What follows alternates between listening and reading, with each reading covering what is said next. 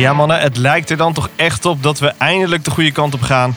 Buiten is het zonnig. Naast mij op anderhalve meter René Hoogterp. In Geutenborg zit Jeroen Demmedaal. En onze gast, live vanuit Arizona. We zien ze in de verte al hangen. Want binnenkort gaan de vlaggen toch echt? Green, green, green, green. We're four wide going into turn number one. Harry Lyondike wins the Indianapolis 500. His very truck just came up. It is Renus VK who scores the win in the Cooper Tires Indy Lights Grand Prix. Dit is Green Green Green, de podcast. Met René Hoogterp, Jeroen Demmendaal en Frederik Middelhof. Ja, welkom allemaal. Frederik Middelhoff hier. En leuk dat je weer luistert naar Green Green Green. Aflevering 6 alweer, René. Wat poef, het gaat hard zeg. Ja. en we zijn nog ineens begonnen met racen. Dat is de grap eh, van het allemaal. Maar er is hoop. Ehm, aan het einde eh, zien we natuurlijk eh, de zon ver, in de verte, in de horizon. Eh, corona of geen corona, zoals altijd eh, heb ik ook weer eh, eh, René Hoogterp rechts naast mij op anderhalve meter afstand. Schrijvende IndyCar encyclopedie Jeroen Demmedaal ook aan tafel. Dan wel de digitale tafel ook welkom. Maar dat is nog lang niet alles. Want vandaag hebben we hoog bezoek in deze aflevering. René, Ja, klopt. Ja, we hadden de agenda's eerder dit jaar al naast elkaar gelegd. En eh, natuurlijk die drukke week voorafgaand aan de Dutch Grand Prix. Dan zou het allemaal gebeuren. Jeroen zou vanuit Zweden naar Nederland komen. En we hadden een mooi diepte-interview over de beroemde meimaand voorbereid. Maar goed, het liep uiteindelijk behoorlijk anders.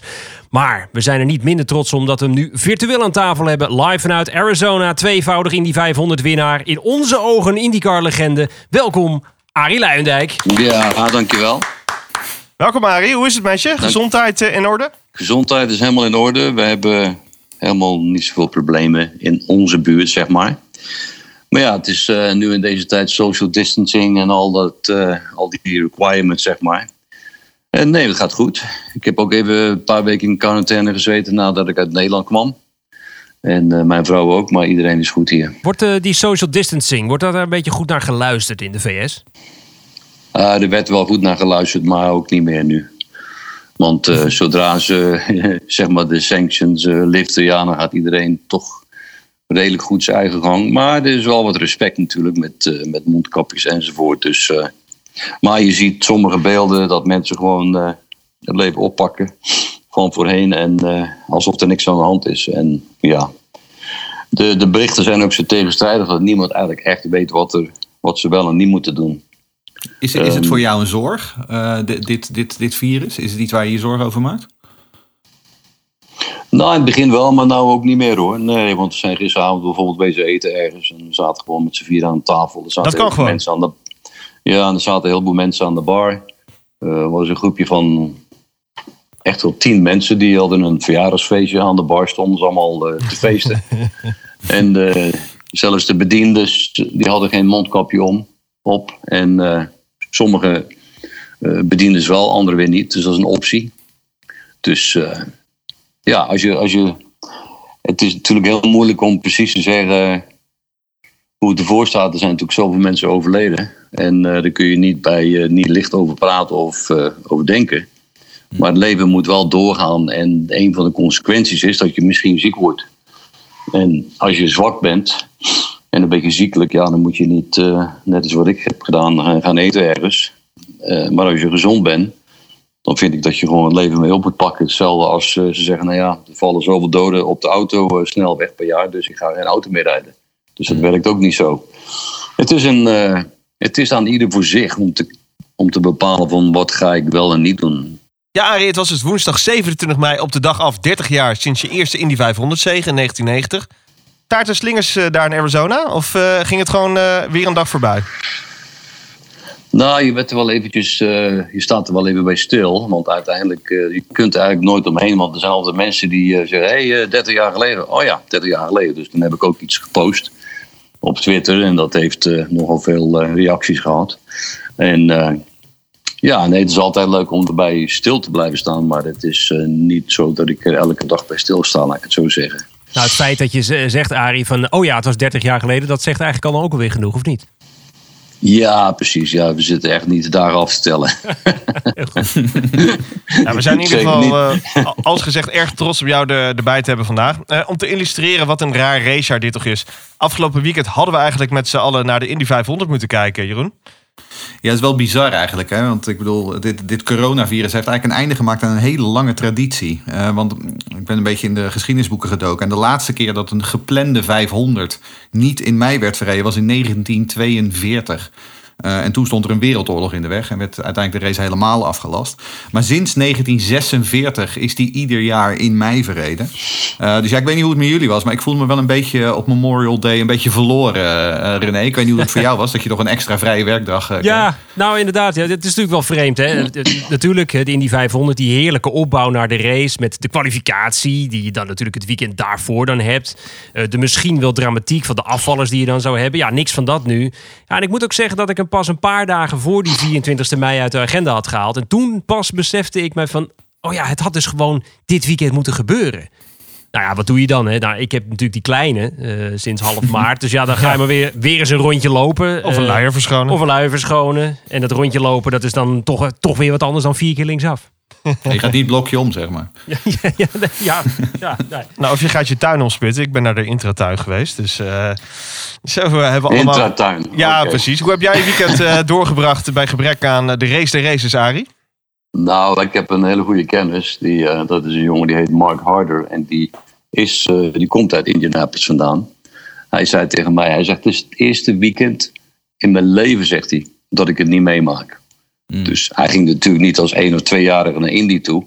Maar die mensen die daar wonen, die daar opgroeien, die leven daar naartoe. En dat is gewoon het evenement voor hun. En voor hem was het heel raar, zegt hij, want hij woont ook hier in Scottsdale. Hij zegt, het is de eerste keer dat ik er niet bij ben geweest of in Indianapolis ben. Dus hij stelde voor, ik neem de race op, want ze lieten de race weer zien hier van vorig jaar. Mm. Met highlights en uh, met, met Rossi en Simon Pagenaud hadden ze mm-hmm. uh, op het circuit. En daar hebben ze een heleboel interviews gedaan. Dat hebben ze allemaal zo verwoven in, uh, in de replay van vorig jaar's race. En dat was heel leuk, want dan kreeg je echt de insight van die twee, hoe het er allemaal aan toe ging tijdens de race. En aan het einde natuurlijk die laatste paar ronden waar het best wel heftig ging. Um, dus hebben ze echt een hele mooie show van gemaakt van bijna drie uur lang. Dus dat hebben we, heeft, had hij opgenomen. Dus wij s'avonds uh, eten en net doen alsof het Memorial Day was en naar de race gekeken. Want als je net zoals ik in race control zit, ja, je ziet, je ziet die race wel, maar je, je, je bekijkt de race niet. Ik, ik bekijk uh, al afzonderlijke dingen die er gebeuren in de race. En uh, sommige dingen moet je penalties vergeven of niet. Uh, video replay en al die dingen. Dus je kijkt niet echt naar de race per se, maar, je, maar nu wel dus. En het was wel leuk en het was wel um, in die zin eigenlijk best spannend aan het einde. Want je weet, het, je weet de uitkomst. En dat zegt uh, Mieke, mijn, mijn vrouw Mieke zegt dat ook altijd. Ze zegt elke keer als ik naar de finish kijk van jouw races, dan is het toch altijd een beetje spannend. En dat is heel eigenaardig, maar dat heb ik ook een beetje. Terwijl je weet wat er gebeurd is natuurlijk. Mm. Ja. Ja, en dan is het dan eindelijk uh, volgende, volgend weekend kunnen we dan eindelijk van start. Dus we hebben flink wat te bespreken deze aflevering. Uh, de onderwerpen, zoal meer coronagedoe, meer veranderingen aan de kalender, de laatste stand van zaken. Uh, maar we gaan uiteraard natuurlijk ook racen in Texas op 6 juni. Dus we gaan vooruitkijken naar die eerste race. De grote vraag rond onze held Rinus VK, doet hij nou wel of niet mee? Komt hij de VS in wel of niet? Nou, de laatste stand van zaken hoor je hier uiteraard. En natuurlijk ook volop ruimte voor jullie ingestuurde luisteraarsvragen met uh, akte voor het insturen. Ja, terwijl we in Nederland langzaamaan de teugels wat lijken te vieren voor wat betreft verschillende coronamaatregelen, is de mondiale autosportwereld ook wanhopig bezig om nog een racekalender samen te stellen. En zo ook in de IndyCar Series, die in hetzelfde weekend als wanneer de Formule 1 zou starten, ook hun seizoensaftrap zouden hebben. Maar ook in de IndyCar Series lijkt er licht aan het einde van de tunnel te zijn. Jij mag je weer klaarmaken, René? Ja, ja eindelijk mogen we dan. Want uh, we zouden volgens de originele kalender nu al na het dubbele treffen in Detroit... die we afgelopen weekend dan gehad zouden hebben... acht races gehad uh, hebben gehad. En dan, uh, ja, dus, dus eigenlijk qua races al halverwege het seizoen zitten. Is bizar eigenlijk. hè? Ja, maar goed, we hebben dus nog helemaal niet gereisd. Maar 6 juni in de nacht van zaterdag op zondag. Feitelijk voor ons, dus Nederlanders, op 7 juni. eh, dan mogen we op een onmogelijk tijdstip. Maar goed, als je dan zo lang al geen IndyCar gezien hebt, dan eh, heb je er wel iets eh, voor over. Dan kunnen we eigenlijk weer los. Eindelijk kunnen we dus weer beginnen. Eh, daarover gaan we natuurlijk zo dadelijk voorbeschouwen. Ik kan in mijn agenda dus blokken voor de rest van het 2020 seizoen. Eh, ja, dat kun je wel doen, maar dan zou ik het wel een potlood doen. Want eh, in deze tijden van corona is natuurlijk niks zeker. We zitten inmiddels op, aan ons vierde eh, IndyCar schedule voor het seizoen. En ik vermoed zomaar dat het misschien niet eens het laatste is. Maar er is inderdaad nu een eh, herziene kalender uitgebracht voor, dit IndyCar seizoen. Ehm, het, het geluk wat IndyCar heeft, is dat het eh, ehm, eh, net als NASCAR ehm, vergeleken met de Formule 1 redelijk Amerikaans georiënteerd is. Dus je hebt wat minder reizen vanuit alle diverse uithoeken van de wereld. Daardoor heeft NASCAR ook inmiddels al wat races kunnen rijden.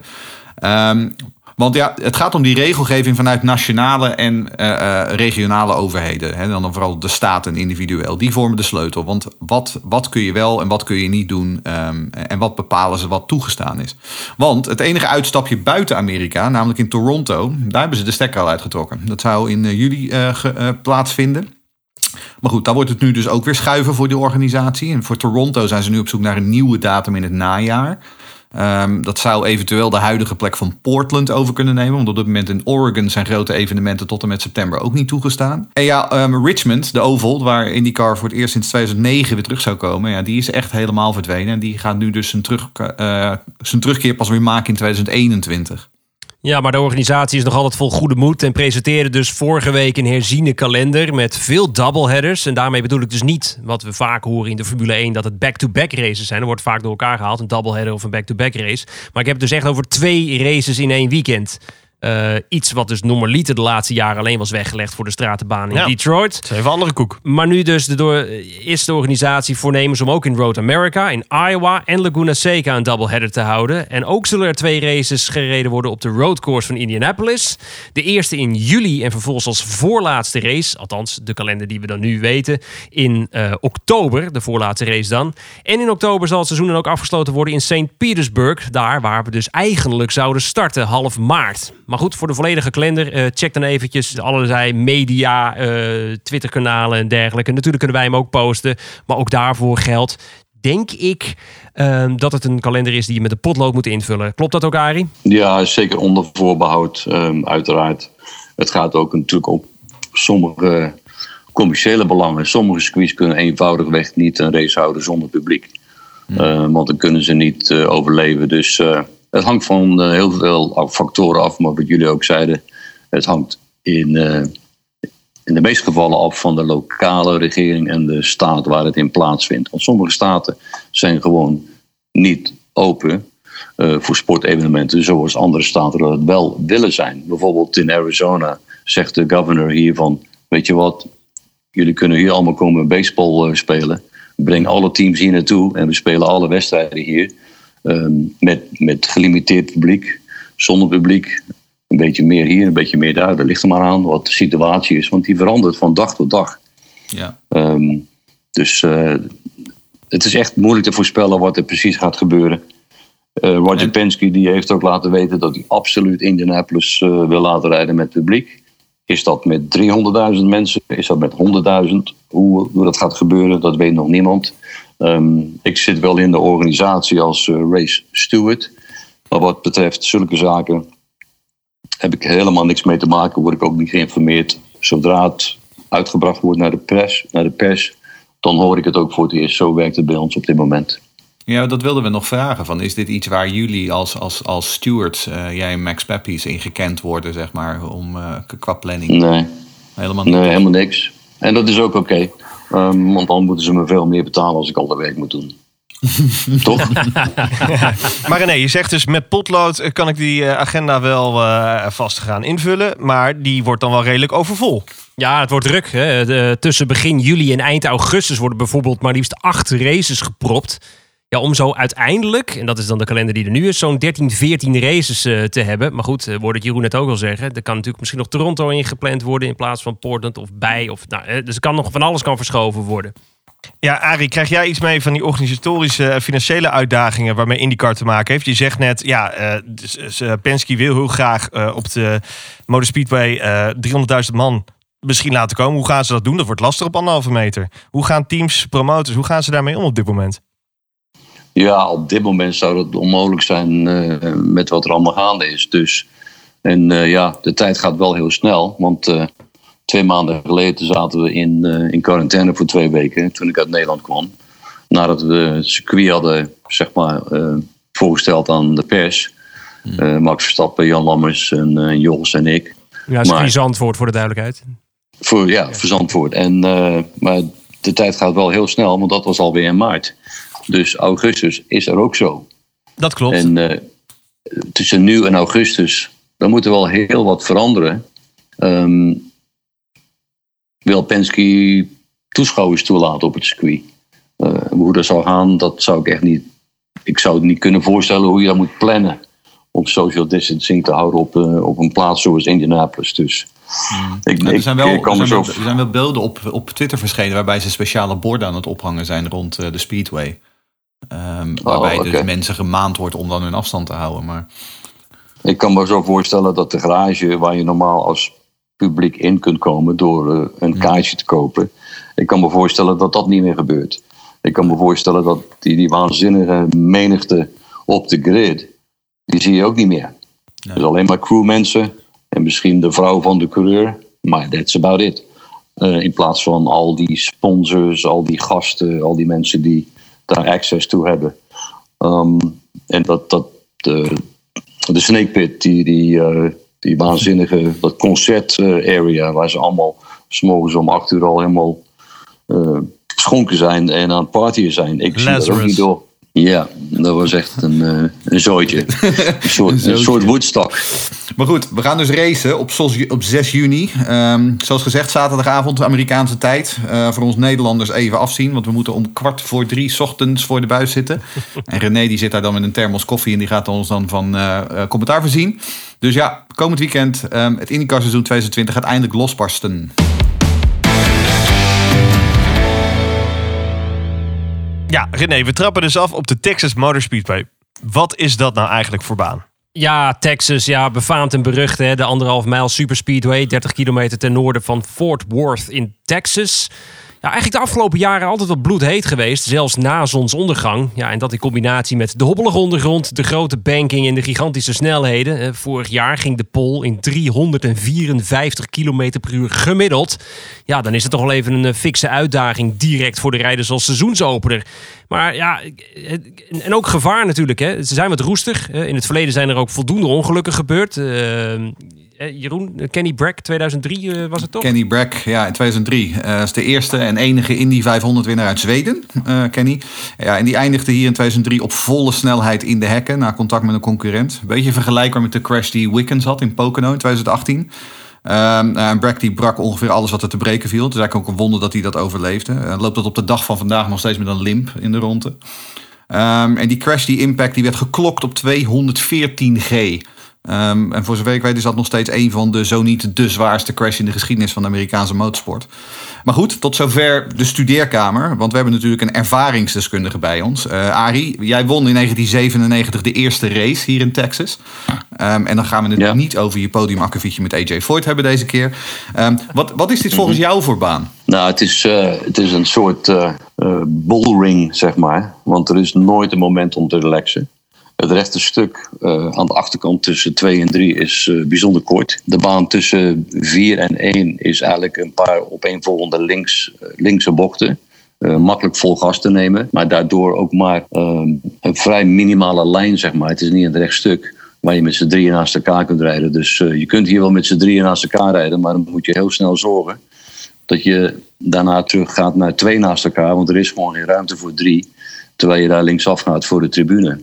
Ehm, zoals je al zei, de snelheden zijn enorm hoog. 200, eh, tussen de 215 en 220 mijl per uur constant. En ze zitten natuurlijk allemaal heel dicht bij elkaar. Het grote gevaar is op die circuits, is dat je, als je iemand hebt die zeg maar wat wegliggingsproblemen heeft of zo, dan heb je die closing rate, die is zo enorm. Dus als je op achterblijvers afkomt als leider zijnde, dan moet je heel erg goed je kunnen timen. Maar dan heb je natuurlijk niet altijd in de hand van waar ga ik die achterblijver inhalen zonder dat ik iemand die op mijn versnellingsbak zit ineens naast me hebt zitten en dan word ik ingebokst, zeg maar. Dat zie je wel eens gebeuren. Ehm, maar altijd, en wat altijd belangrijk is op een oval, de wegligging moet natuurlijk goed zijn. En de auto moet goed afgesteld zijn om in het verkeer te kunnen rijden. Maar je mag ook niet te veel vleugel rijden om dat te, eh, te krijgen, zodat je een goede wegligging hebt. Want als je te veel vleugel rijdt, dan, dan word je toch om je oren gereden. Want eh, eh, uiteindelijk drag is een heel belangrijk iets. En eh, je moet uiteindelijk altijd proberen te rijden met zo weinig mogelijk drag in de auto. Ja. Ehm, ik, ik, vind het een, ik vind het jammer dat dit de eerste race wordt voor Rinus. Want Ja. uiteindelijk, um, hij heeft wel getest daar. Maar ja, in je eentje rondrijden daar is niet zo moeilijk als de auto goed ligt. Maar ja, dan kom je aan de start met eh, 24 auto's. En met al die turbulentie. En, eh, en het verkeer en heel dicht bij elkaar rijden. eh slipstreamen heel de, heel de tijd. Ehm, ja, eh, dat kan best wel eens lastig zijn voor hem. Dus ik, ik heb zo mijn idee wat ik hem moet vertellen voor de race. Wat hij moet gaan doen.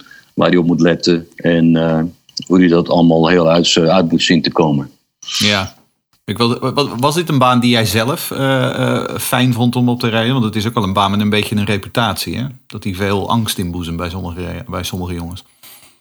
Ja, het is niet voor de, het is niet voor de voorzichtige jongen, zeg maar. Eh, Graham Rahal bijvoorbeeld, die won een paar jaar geleden. En die heeft hij gewoon echt op ballen gewonnen. Want die gozer die nam echt wat risico's. Maar je moet wel een beetje brave zijn om daar te presteren.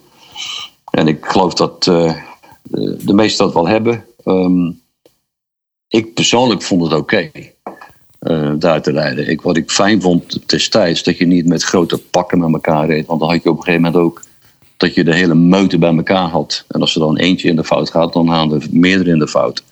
Dat is iets wat eh, niet gaande is op Texas eh, nu, maar dat was voorheen wel zo. En in het begin was het ook niet zo. In het begin reed je met twee, drie man bij elkaar, dan was het oké. Maar niet met vijftien man, zeg maar. Nee, maar tot een paar jaar geleden hadden we natuurlijk nog die, die, die kitcar era. En toen, toen zat iedereen de hele tijd echt in van die kluwens bij elkaar. En dat is nu wel anders natuurlijk. Ja, ja dat pack race, eh, hoe ze dat noemen. Ja. Ja, Oké, een redelijk unieke baan dus. Maar René, het weekend is ook ingekort. Eh, alles gebeurt nu op één dag. Ja, klopt. Ja, alles eh, gaat op één dag afgewerkt worden. Een beetje Formule E-stijl zou je bijna het eh, kunnen noemen. Jeroen draait zich. Ja, die draait zich. Nee, de, de, de, vrije, de vrije training, de kwalificatie en de race. Het gaat allemaal op één dag plaatsvinden. En de race is daarbij dan ook nog ingekort. We gaan 200 rondes rijden in plaats van de normale 248. En voor de veiligheid is er ook nog een soort bandenreglement ingevoerd. Eh, elke 35 rondes zullen ze een pitstop moeten maken. En in het verleden wat je, kon je wel 50 tot bijna 60 rondes op een tank benzine doen. Eh, dus we gaan best wel wat leuke strategische dingen daardoor zien. Eh, maar goed, dit heeft ook weer te maken met het feit dat ze wat oudere Reds gaan gebruiken van vorig jaar. Eh, omdat de fabrieken van Firestone natuurlijk ook de laatste weken dicht zaten. Ja. Nou, vanzelfsprekend natuurlijk ook een race zonder publiek. En ook zullen de teams echt wat moeten inkrimpen. Maximaal 20 personen per auto, heb ik begrepen. Dus nou, Arie, wat je ook al zei, geen ruimte voor sponsorrelaties. Echt de meest essentiële mensen die je dan nodig hebt. Maar wat ik wel heel positief vind, daar hebben wij als Nederlanders niet zo heel veel aan, is dat NBC het voor de Amerikanen op hun zeg maar, hoofdkanaal gaan uitzenden. Want eh, de Amerikanen die smachten natuurlijk naar live sportevenementen. Ja, een mooi moment dus voor de IndyCars om zichzelf weer op de kaart te zetten. Nou ja, kun, mooi. jij dat, kun jij dat uitleggen, Arie? Dat verschil tussen NBC, het nationale kanaal, en NBC Sport eh, qua reach? Nou, NBC, als je dat hebt, eh, als je bijvoorbeeld een eh, heel minimaal pakket hebt als, eh, als huishouden, dan heb je gewoon Nederland 1, 2 en 3. En dat is bijvoorbeeld NBC, ABC en CBS en Fox. Dus eh, een heleboel mensen die zich niet kunnen veroorloven om extra zenders te kopen, de, de sportschannels, die hebben gewoon die zender. Dus eh, je hebt een veel groter bereik, natuurlijk. En het is al national TV. Dat betekent dat in elke staat wordt het ook op die tijd uitgezonden. Ehm, bijvoorbeeld als we op NBC Sport zijn, dan wordt het bijvoorbeeld in 20 van de 55 staten uitgezonden. Dus het is eh, wat dat betreft een hele positieve ontwikkeling. Ehm, zoals met eh, NASCAR, toen NASCAR eh, de eerste race reed dit jaar op Dover. Ja, ik kijk nooit naar een hele NASCAR race, maar nu wel, want het was even tijd om heel wat race te zien. Maar die hadden toch een hele goede, hele goede kijkcijfers op Fox. On the national broadcast. Dat was, ik geloof, 6,5 miljoen toeschouwers. Eh, eh, televisiekijkers. Dus was, was goed voor eh NASCAR. Maar ik denk dat dit ook in dat opzicht goed zal zijn voor IndyCar. En ik hoop het ook.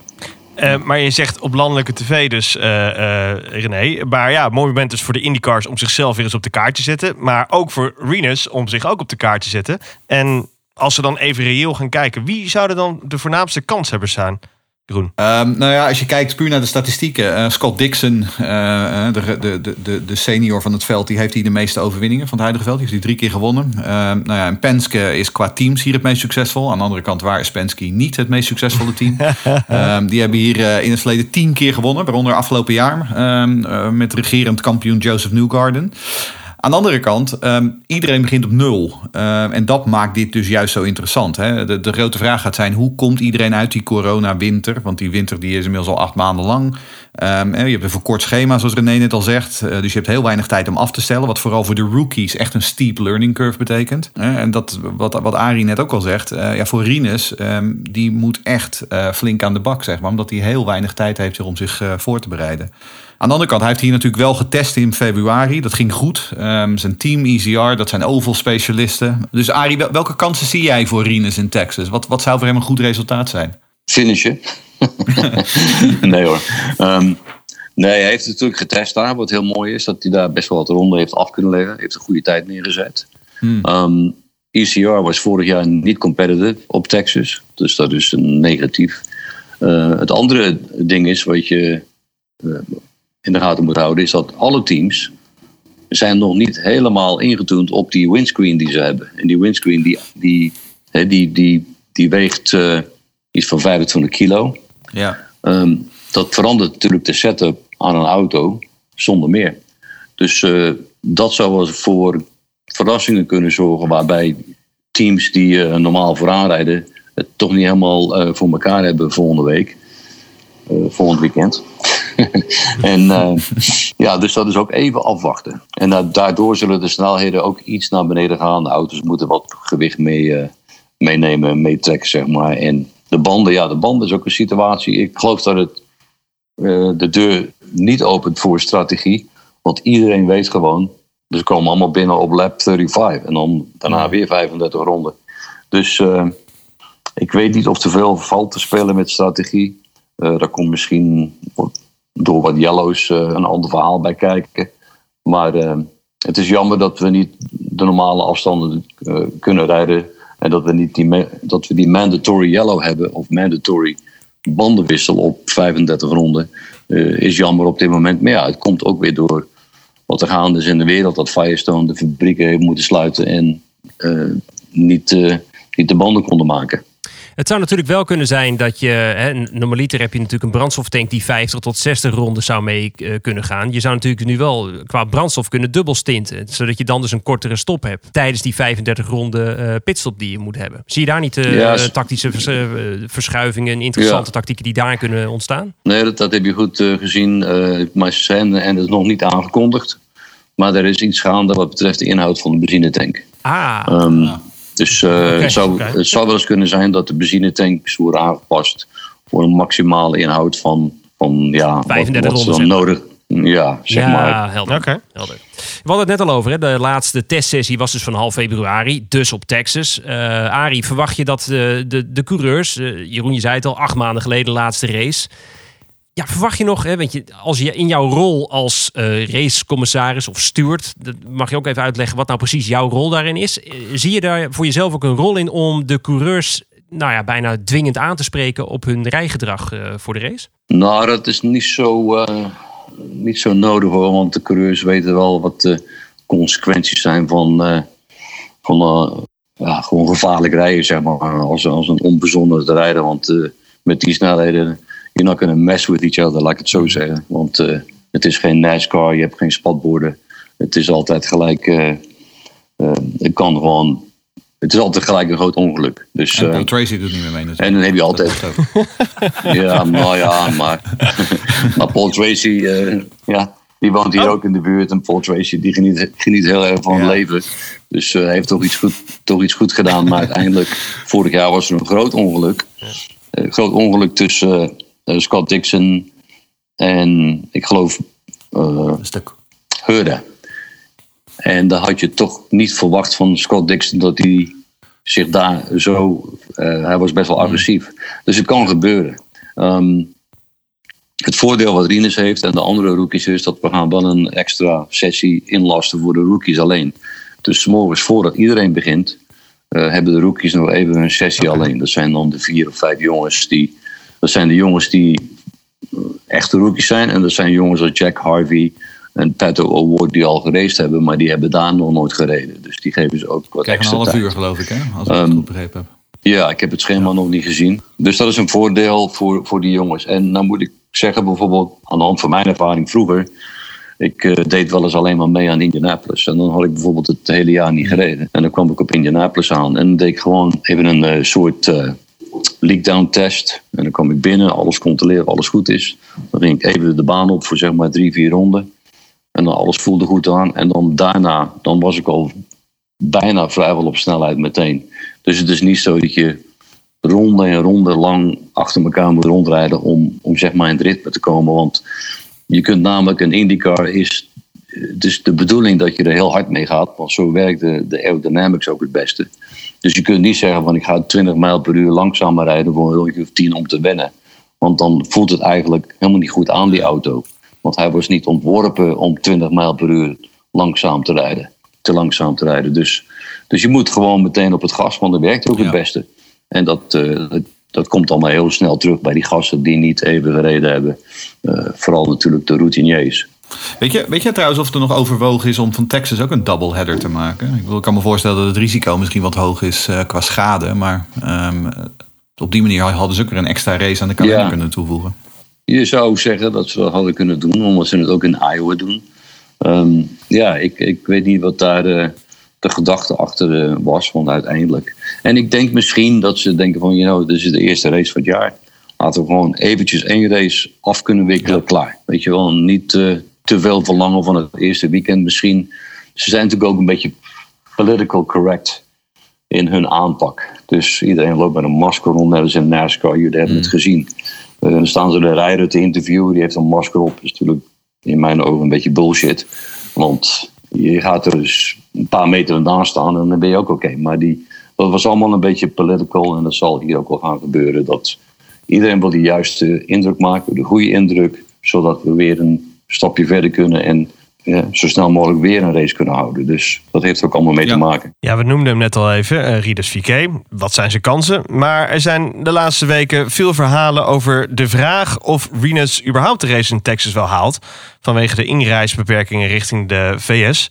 Eh, Jeroen, wat is er nu gaande op dit moment? Ehm, ja, dit is een beetje een lastig verhaal, om het voorzichtig uit te drukken. Een beetje complex ook. Ehm, want in feite geldt er momenteel vanwege corona ehm, vanuit de EU een algeheel inreisverbod voor Amerika. En dat is dan zolang je geen essential person bent. Nou, en wat, wie en of wat is er dan een essential person? Nou, dat bepaalt de Amerikaanse immigratiedienst en het ministerie van Homeland Security. Ehm, maar doorgaans staan autocoureurs uit Hoofddorp gewoon niet heel hoog op die lijst. Dat is gewoon zo. Dus Rinus is het haasje. Ehm, nou, niet per se. Kijk, ten eerste is hij niet de enige die hier last van heeft. Eh, want de meeste Europeanen die zijn weliswaar in Amerika gebleven. Eh, bijvoorbeeld eh, mijn Zweedse boys, Eriksson, Rosenquist. Ehm, maar Alex Palau, die is eerder dit jaar, net als Rinus, ook teruggekeerd naar Europa. Max Chilton zit ook in Engeland. Die heeft alleen het voordeel dat hij niet in Texas rijdt. Dus die heeft nog wat meer tijd om die kant op te komen. Ehm, kortom, IndyCar mist op dit moment wel gewoon een paar fulltime rijders. Eh, en er is de laatste weken achter de schermen toch wel flink eh, in koeien gehandeld... eh, om bij de Amerikaanse overheid wat meer begrip te vragen voor deze situatie. Dus er zijn flink wat telefoontjes naar Washington gemaakt. Ja, exact. Kijk, vergeet niet, we hebben het hier over IndyCar. We hebben het over Roger Penske. En Roger Penske die zit in de commissaris van sportbestuurders... die het Witte Huis heeft samengesteld. Ehm, en we hebben het hier ook over mensen als Ed Carpenter en Tony George. Die zijn in Indiana heel bekend. Eh, en Tony George kent natuurlijk de senatoren die namens Indiana in Washington zitten. Ehm, de, voorgang, eh, de, de vorige gouverneur, die is inmiddels de vicepresident van Amerika, Mike Pence. Eh, dus er wordt wel gewoon gepraat natuurlijk een hoop. Ehm, en er is nu ook een richtlijn vanuit dat ministerie van Immigratie... waarbij er voor topatleten een uitzondering gemaakt gaat worden op die reisbeperkingen. Ehm, en die gaan zeer waarschijnlijk binnenkort ook voor racecoureurs ehm, eh, gelden. En daarvoor mogen we dan senator Mike Brown bedanken... want die heeft namens IndyCar en Indiana formeel contact opgenomen met Washington hierover. Dus samenvattend, Rinus gaat erbij zijn of nou juist niet? Nou, zoals het er nu uitziet, op eh, donderdagavond 28 mei, eh, is het antwoord daarop ja. Ehm, en op basis van wat ik nu weet en de huidige regelgeving gaat Rinus er in principe gewoon bij zijn op de 16 juni. Ehm, kijk, de mensen rond Rinus, eh, management, familie en Arie kan er misschien zo meteen ook nog wel wat over zeggen. Die zijn al weken hard aan het werk om dit op te lossen. En, en die nieuwe richtlijnen die helpen natuurlijk ook. Nou heb ik ook eh, beloofd dat ik niet al te veel details ga geven, want we willen geen slapende honden wakker maken. Maar er is een plan A, er is een plan B, er is een plan C. Ehm, kijk, als er dit weekend opeens hele nieuwe regels worden eh, ingevoerd, ja, dan, dan eh, all bets are off. Maar op dit moment ziet het er gewoon goed uit. Eh Arie, heb je de laatste weken eigenlijk ook veel contact nog gehad met Rinus? Nou, wel met zijn vader, met Marijn. Af en toe met Rinus praat ik, maar met Rinus praat ik altijd alleen maar over dingen waar hij op moet letten in het reglement. Ehm, en, eh, en zulke soort zaken. Maar ik, ik zie wel dat hij erin komt, want eh, vanuit, eh, vanuit de regering, dat zei Jeroen al, topsporters vanuit het buitenland, baseballspelers, basketbalspelers, you name it. die worden nu als essential gezien. En ze zijn nu bezig via de push van senators in Indiana en, en andere senators, die ook vanuit Texas, die pushen ook gewoon dat autocoureurs eh, ook als essential moeten eh, beschouwd worden. Want, en dat zijn ze dan ook om zo'n evenement te houden. Want zo'n evenement is gewoon belangrijk, ook niet alleen voor, voor IndyCar, maar ook voor de lokale, eh, hè, de, de, de staat waar ze racen, de stad waar ze racen. Ehm, dus ze willen ook, de Amerikanen willen ook gewoon verder. Ze zijn het eigenlijk, ja, het virus is er nog steeds, maar ze zijn het allemaal eigenlijk zat. Ze willen gewoon verder. Ehm, en ook met de sport dus. Dus ik, eh, ik neem aan en ik denk ook dat het geen probleem is. Uiteindelijk en, eh, zal Rinus aan de start staan. Mooi, dat zijn mooie berichten. Eh, je noemde het net al. dat vind ik, voordat we naar de, de, de enorme lading luistervragen gaan, Arie. Je zei net van, ja, ik ben toch al met Rinus bezig op de zaken waar hij op moet letten uit het regelboek. Nou, ben ik toch benieuwd welke je dan specifiek uit wil pikken. Nou, er zijn er heel veel. Er zijn natuurlijk een heleboel dingen waar je een penalty voor kunt krijgen. En sommige dingen zijn echt vermijdelijk. Ik bedoel, eh, eh, onze regel, en ik, ik weet niet wie daar in charge is, maar bijvoorbeeld de, de blocking eh, rule. Bij ons is heel erg black and white, zeg maar. Als jij voor ligt en iemand achter jou die gaat naar rechts toe om je in te halen en jij gaat dan daarna naar rechts toe, dat is een blok, zeg maar. Want je reageert op wat degene doet die achter je rijdt. En dat weet Rinus wel, want hij heeft vorig jaar een hele flinke penalty gehad in eh Elkhart Lake. Toen hij dat ook deed. En eh, toen hij het deed, toen zei ik al meteen met. Ik stond met Arie Junior te kijken. Oh shit, dat is, eh, dat is een penalty. En toen hebben ze een hele zware penalty gegeven. Eh, een beetje te zwaar vond ik, maar ja, dat, dat zijn weer een andere groep jongens die dat doen. Maar, maar er zijn bijvoorbeeld witte lijnen waar ze niet overheen mogen komen. Of ze mogen alleen maar met twee wielen eroverheen komen. Dat zijn allemaal van die dingen die kun je wel eens vergeten als rijder. Omdat je zo gefocust bent op, op het racen en op het eh, competitive eh, element. Dus eh, ik, ik ga met Rinus best wel veel... ik praat met hem best wel veel over die dingen. Ja, en hij moet er natuurlijk ook op gaan letten op die luchtslang hè, bij de pitstops. Dat als hij bij het wegrijden niet over zijn luchtslang heen rijdt. Nou, dat heb ik ook vaak gedaan. Hoe doe je dat? Ja, dat, Nee, maar bijvoorbeeld... maar dat is een nieuwe ervaring. Wij hebben. Ja, maar ja, dat is een team. eh, dat is een team. eh, elk team doet het iets anders. Eh, de pitstop. sommige rijders, als de auto naar beneden gaat en hij valt op de grond, dan rijden ze weg. Anderen die, die, die wachten op een seintje. Noem maar op. Er zijn allerlei verschillende manieren om het te doen.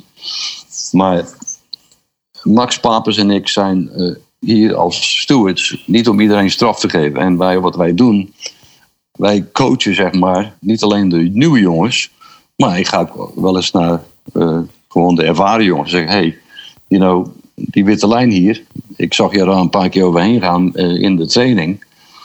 En dan laat ik hem de video zien. En dan zeg ik, nou, als je dat nou doet in de race, dan is dat een penalty.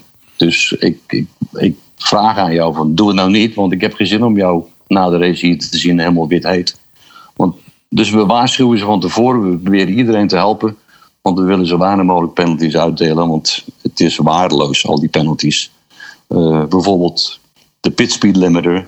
Dan, heb je, dan mag je maar 50 mijl rijden in de pits. Of je mag 60 mijl rijden. En dan gaan ze eroverheen met 50,2 of 50,3. En dan krijgen ze een penalty. En dat is gewoon zwart-wit. Ik vind het niet correct. Ja, maar daar kunnen die jongens niks aan doen. Nou, dat, dat komt omdat hij dan afgesteld is Ja. door het team te hoog. En dat is het probleem. Dus eh, ze gaan echt door het, door het uiterste natuurlijk.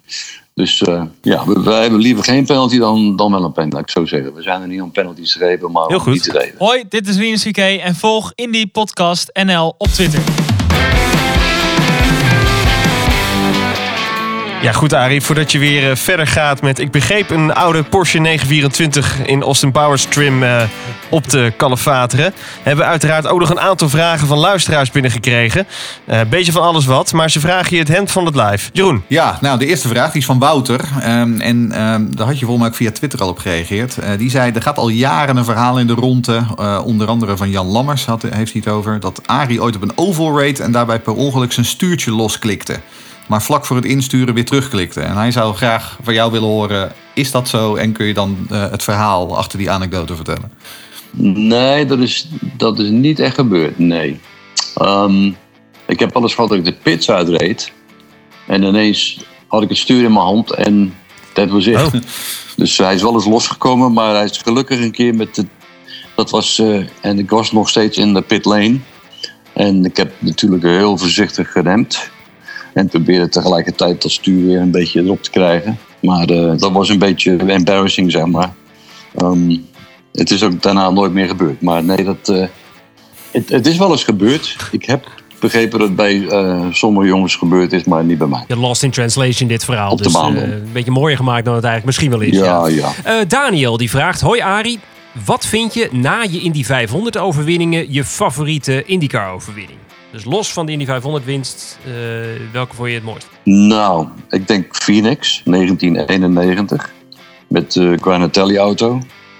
Dat was ook een hele mooie overwinning. Waarbij ik zeg maar lekker eh, bijna de hele dag gereden heb. En, en basically de race eh, kon bepalen. Dus Walk dat in the was park. mooi om. Ja, kind of, ja.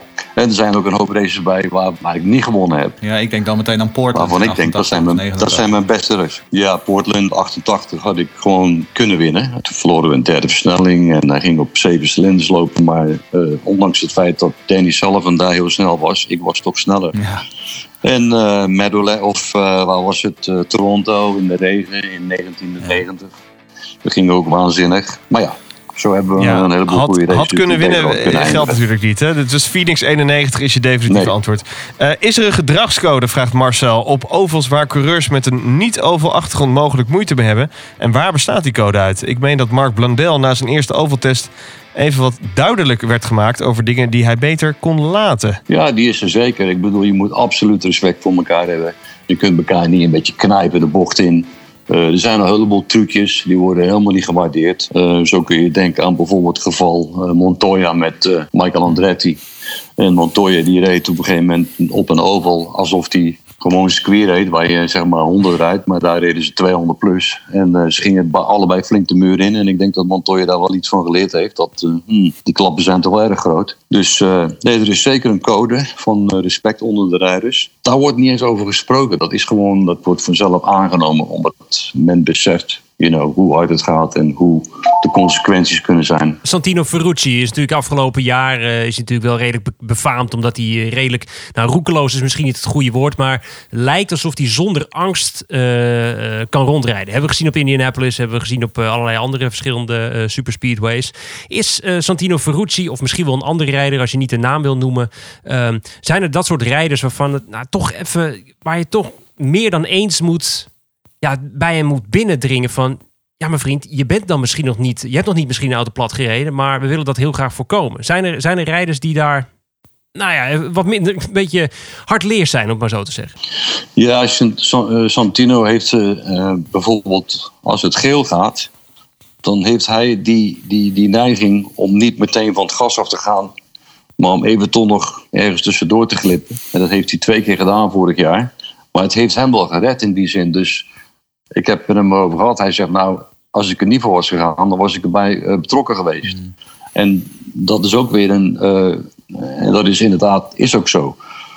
Dus eh, wij hebben hem daar niet op afgesproken. Hij was toen ook heel goed begeleid door zijn spotter wat er gaande was. En dat is ook weer een heel ander verhaal in de IndyCar race. Dat je een spotter hebt op een oval die, die heel goed voor je kan zijn. In 85 heb ik het een keer gehad. Toen vloog iemand de muur in. En in plaats van gas los te laten, heb ik ook gas bijgegeven. En de auto die kwam net achter mij langs. En ik miste net, of hij miste mij net, terwijl hij van de muur kwam. Maar als ik van het gas was afgegaan, dan hadden we elkaar geraakt. Want je kunt ook niet meteen tot stilstand komen met zo'n auto. Santino ja, hij, hij, heeft, eh, hij is wel brave. En eh, misschien komt hem dat nog een keer duur te staan. Maar voorlopig eh, vind ik wat rijden. En wat dat betreft heeft het gedaan. Hij heeft het niet. Hij heeft geen dingen uitgehaald, mensen in de muur gereden en zo. En daar gaat het om. Eh vies rijden, vuil rijden op een oval eh, wordt niet Nou, dat deed hij in de. Formule 2 wel, maar goed. Dus een eigen teammaat reed die toch eh, van de baan na. Oh ja, je bedoelt, in de, jij bedoelt in de Formule 2 inderdaad destijds. Formule een paar 2, jaar ja. terug, ja. Ja, toen reed hij inderdaad die Indiase jongen inderdaad achter. eh, ja, inderdaad, ja. Maar goed, laten we doorgaan met de volgende vraag van Peter. Ehm, die vraagt Arie, terwijl jij je naam vestigde in Indianapolis... was er nog een Nederlandse topatleet in de stad. En dan weet je waarschijnlijk wel over wie ik het heb. Dus heb je wel eens contact gehad met eh, Rick Smit, de basketballer van de Pacers? Absoluut. Ja, want eh, als wij dan bijvoorbeeld testen, wij gingen dan wel eens testen en dan, dan kwam Rick meestal even kijken. Dus eh, nee, ik heb veel contact met Rick en hij woont hier ook in de buurt Oh. toevallig. Cool. Ja, heel, heel veel mensen die komen hier naartoe, want het is eh, fijn wonen in, eh, in de staat Arizona. En Rick heeft een hele, Rick heeft een hele grote motorfietscollectie, motocross vooral. En hoe die op dat ding kan zitten, dat weet ik niet. Want hij is bijna. Hij is, hij is zo lang, maar inderdaad, ik ken Rick best wel goed. Mijke die vraagt: eh, stel dat Ziggo Sport, dat wordt hier expliciet vermeld, een van jouw overwinningen opnieuw gaat uitzenden. Naar welke gaat dan je voorkeur uit en waarom? En dan is het dat is een eigenlijk een iets andere vraag dan wat je favoriete overwinning is. Ik denk, ik wil hem eigenlijk dan maar eh, terugbrengen naar je twee Indy 500 overwinningen. welke wil je graag opnieuw uitgezonden En laten? daarbij ook de race aan zich natuurlijk. Nou, ik denk de eerste, want uiteindelijk is de eerste voor mij eh, de race. Toch uiteindelijk is het wel de race van mijn leven geweest, die alles heeft veranderd. Ehm, ja, toch de eerste. Oké, duidelijk. Hojo's of Hogold eh, vraagt... Wat waren de opties ten tijde van je eerste contact met een IndyCar-team... en waarom koos je uiteindelijk voor het rijden in de IndyCar? Nou, dat was niet zo moeilijk. Ik reed eh, in Europa reed ik Formule Super V, ik reed Formule 3. En ooit één keer een Formule 2 race gereden. Eh, de doorbraak die kwam niet, eh, helaas. En ik was op uitnodiging in Amerika eind 80. Reed ik hier in een Super V race, ook in Phoenix op de Oval. En eh, toen zag ik voor het eerst de IndyCars rijden. En ik denk, hmm, that's it. Daar wil ik proberen in te komen. En dat was toen het doel. En lukte dus zeg maar vier jaar later. Duidelijk. Ehm, dan gaan we door naar 1990. eh, want Harry die vraagt hier, ehm, en die refereert aan die eh, befaamde race op de Meadowlands in New Jersey. ehm, waar je toen rechtdoor schoot en in een bocht en opeens op de openbare weg eh, rondreed. Want dat was namelijk een tijdelijk stratencircuit natuurlijk daar. Dus, wat, wat schoot er toen door je heen? Nou, dat is wel leuk. Ik zag die vraag gisteren voorbij komen op Twitter. En ik zei nog, het is een lang verhaal en ik zal proberen kort te houden. Maar uiteindelijk, ik was de weg niet kwijt. Ehm, al die jaren daarvoor had je die runoff, had je. En dan werd verlangd van de race director destijds omdraaien en dan weer terugrijden. Dus tegen het verkeer in, bij wijze van. En dan kon je zo weer de baan op. Dus ik met mijn beide handen gezicht eh, in de rijdersmeeting, eh, die race. Ik zeg, nou, ik zeg, als, eh, als ik nou omdraai en ik kom weer terug om de baan te eh, rijden. En een ander, net zoals ik, die schiet daar dus die, die uitloopstrook uit. Ik zeg, dan hebben we een heel groot probleem. Dus kunnen we niet het zo regelen dat we doorrijden naar beneden toe. En dan ga je linksaf. En dan kom je zo bij het uitkomen van bocht 1. En daar sluit je weer aan. Nou, dat vonden ze allemaal een prima idee. Alleen ze hadden niet de mensen van de televisie ingelicht dat dit het nieuwe plan was. Dus de hele wereld die lachte mij uit van kijk dan die debiel, die rijdt daar eh, een stadion uit. Maar uiteindelijk kwam ik mooi terecht. Bij het uitkomen van turn 2 kon ik de race hervatten. Dus eh, niks aan de hand. Dus eh, dat is de uitleg.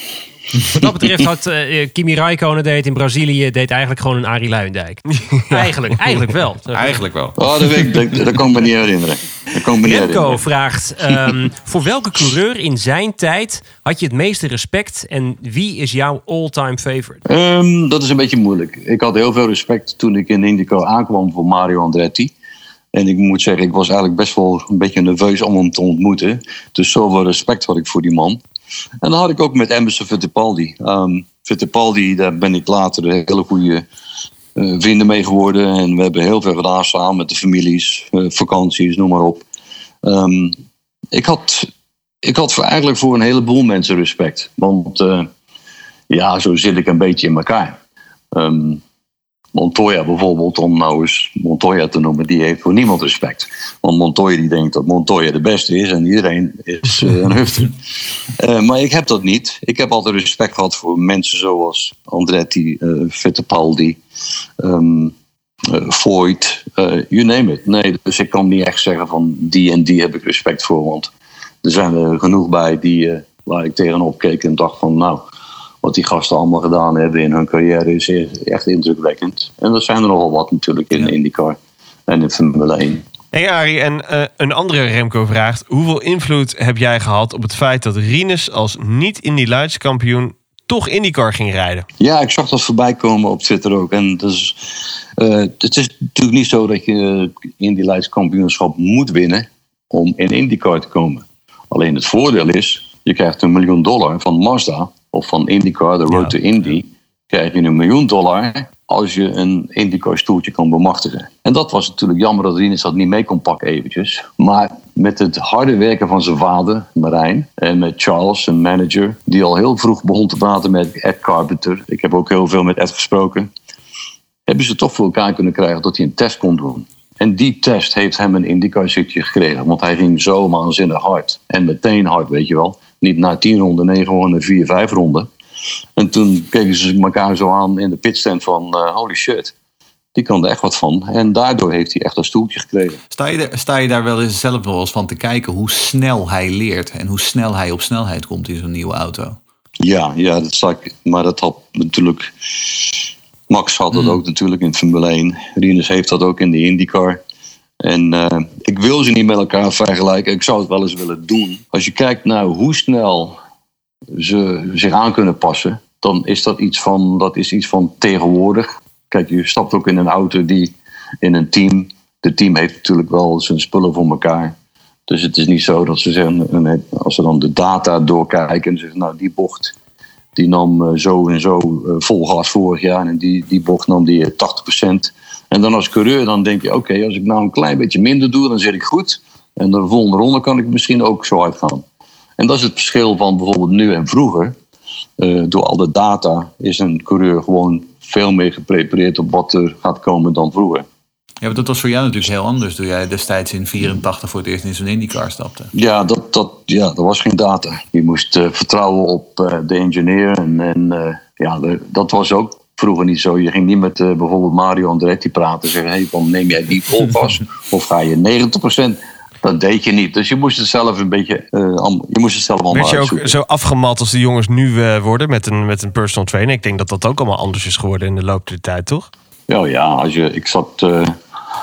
iemand had het nog over een race van Detroit 91. Nou, eh, bij mij deed alles zeer, behalve mijn oren voor drie dagen. Want je bent gewoon helemaal, zeg maar, uitgeteld. Maar ik, ik trainde natuurlijk ook niet zo hard, bijvoorbeeld als dat bijvoorbeeld nu Max doet en alle coureurs doen. En, en Rinus.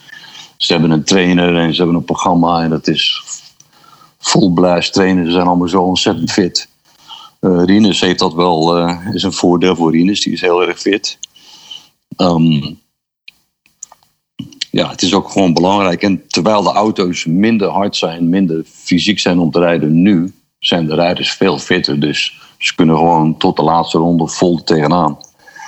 Ehm, wij hadden natuurlijk het oude pookje nog. En we hadden hier een toe. En, eh, En, ja, het oude, en het oude Detroit natuurlijk ook in 91, want dat was ook wel echt een beest van een baan. ja, zo hobbelig. Eh, je zat. eh, ja, het was echt waanzinnig. Dus ik vind het ook wel. Ik, we hadden er nog met iemand over van. Het autorijden is veel makkelijker geworden in die zin met alle tools die ze hebben. En de tools zijn natuurlijk de, de paddle shifting en de shift without lift en, en, en de power brakes en je noem het maar op. Dus eh, de finesse is er een beetje uit daardoor.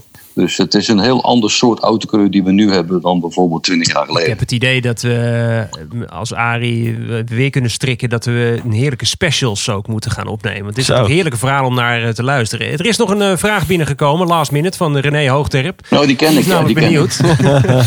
als, als, we naar, als we naar 2020 gaan kijken, wat schot voor de boeg. We- wie is jouw grootste kans hebben voor de titel? Ja, je kunt, ja, gebaseerd op wat we weten van vorig jaar. Rossi moet natuurlijk, die heeft jeuk in zijn handen om weer aan de slag te gaan. Want die weet gewoon, hij kan het kampioenschap winnen als het maar hier en daar overal wat tegen en mee zit. Eh, twee jaar achter elkaar heeft hij het kampioenschap gemist. En eh Jozef Newgarden is zo'n jongen die, die wordt niet zo gezien als een Scott Dixon of als een Rossi. Maar toch is Jozef Newgarden is gewoon een sure bet altijd dat hij erbij is. Want hij Zeker. is gewoon supersnel, ook super fit, ook ja. super fit. Ja. Right. Ja, Arie, dat, eh, dat was hem wel weer. Heb je het een beetje leuk gevonden om eh, bij ons aan te schuiven? Nee, absoluut. Ik vind dat jullie, jullie eh, doen het zo goed. Ja, de kennis die jullie hebben van nu, maar ook van vroeger, is eh, bijzonder, moet ik Ja. zeggen. Want, Dank u eh, wel. ja. ja, als je maar Dank je dank je wel. Jeroen is op dit moment eventjes wat traantjes aan het wegpikken. En René hier op rechts voelt zich Ja, ook zeer ja. vereerd. En ik, ach, Ja. Ik praat het, al, het geheel alleen maar een beetje aan elkaar. Dit was hem dan echt definitief weer. Leuk dat je luisterde naar Green Green Green. Blijf ons uiteraard volgen. En blijf reageren op Twitter via @indiepodcastnl. En ook Arie, eh, wij zullen je regelmatig eventjes mentionen. En volg vooral de discussie, Arie, want dat vinden we leuk. Blijf gezond allen. En graag tot de volgende keer.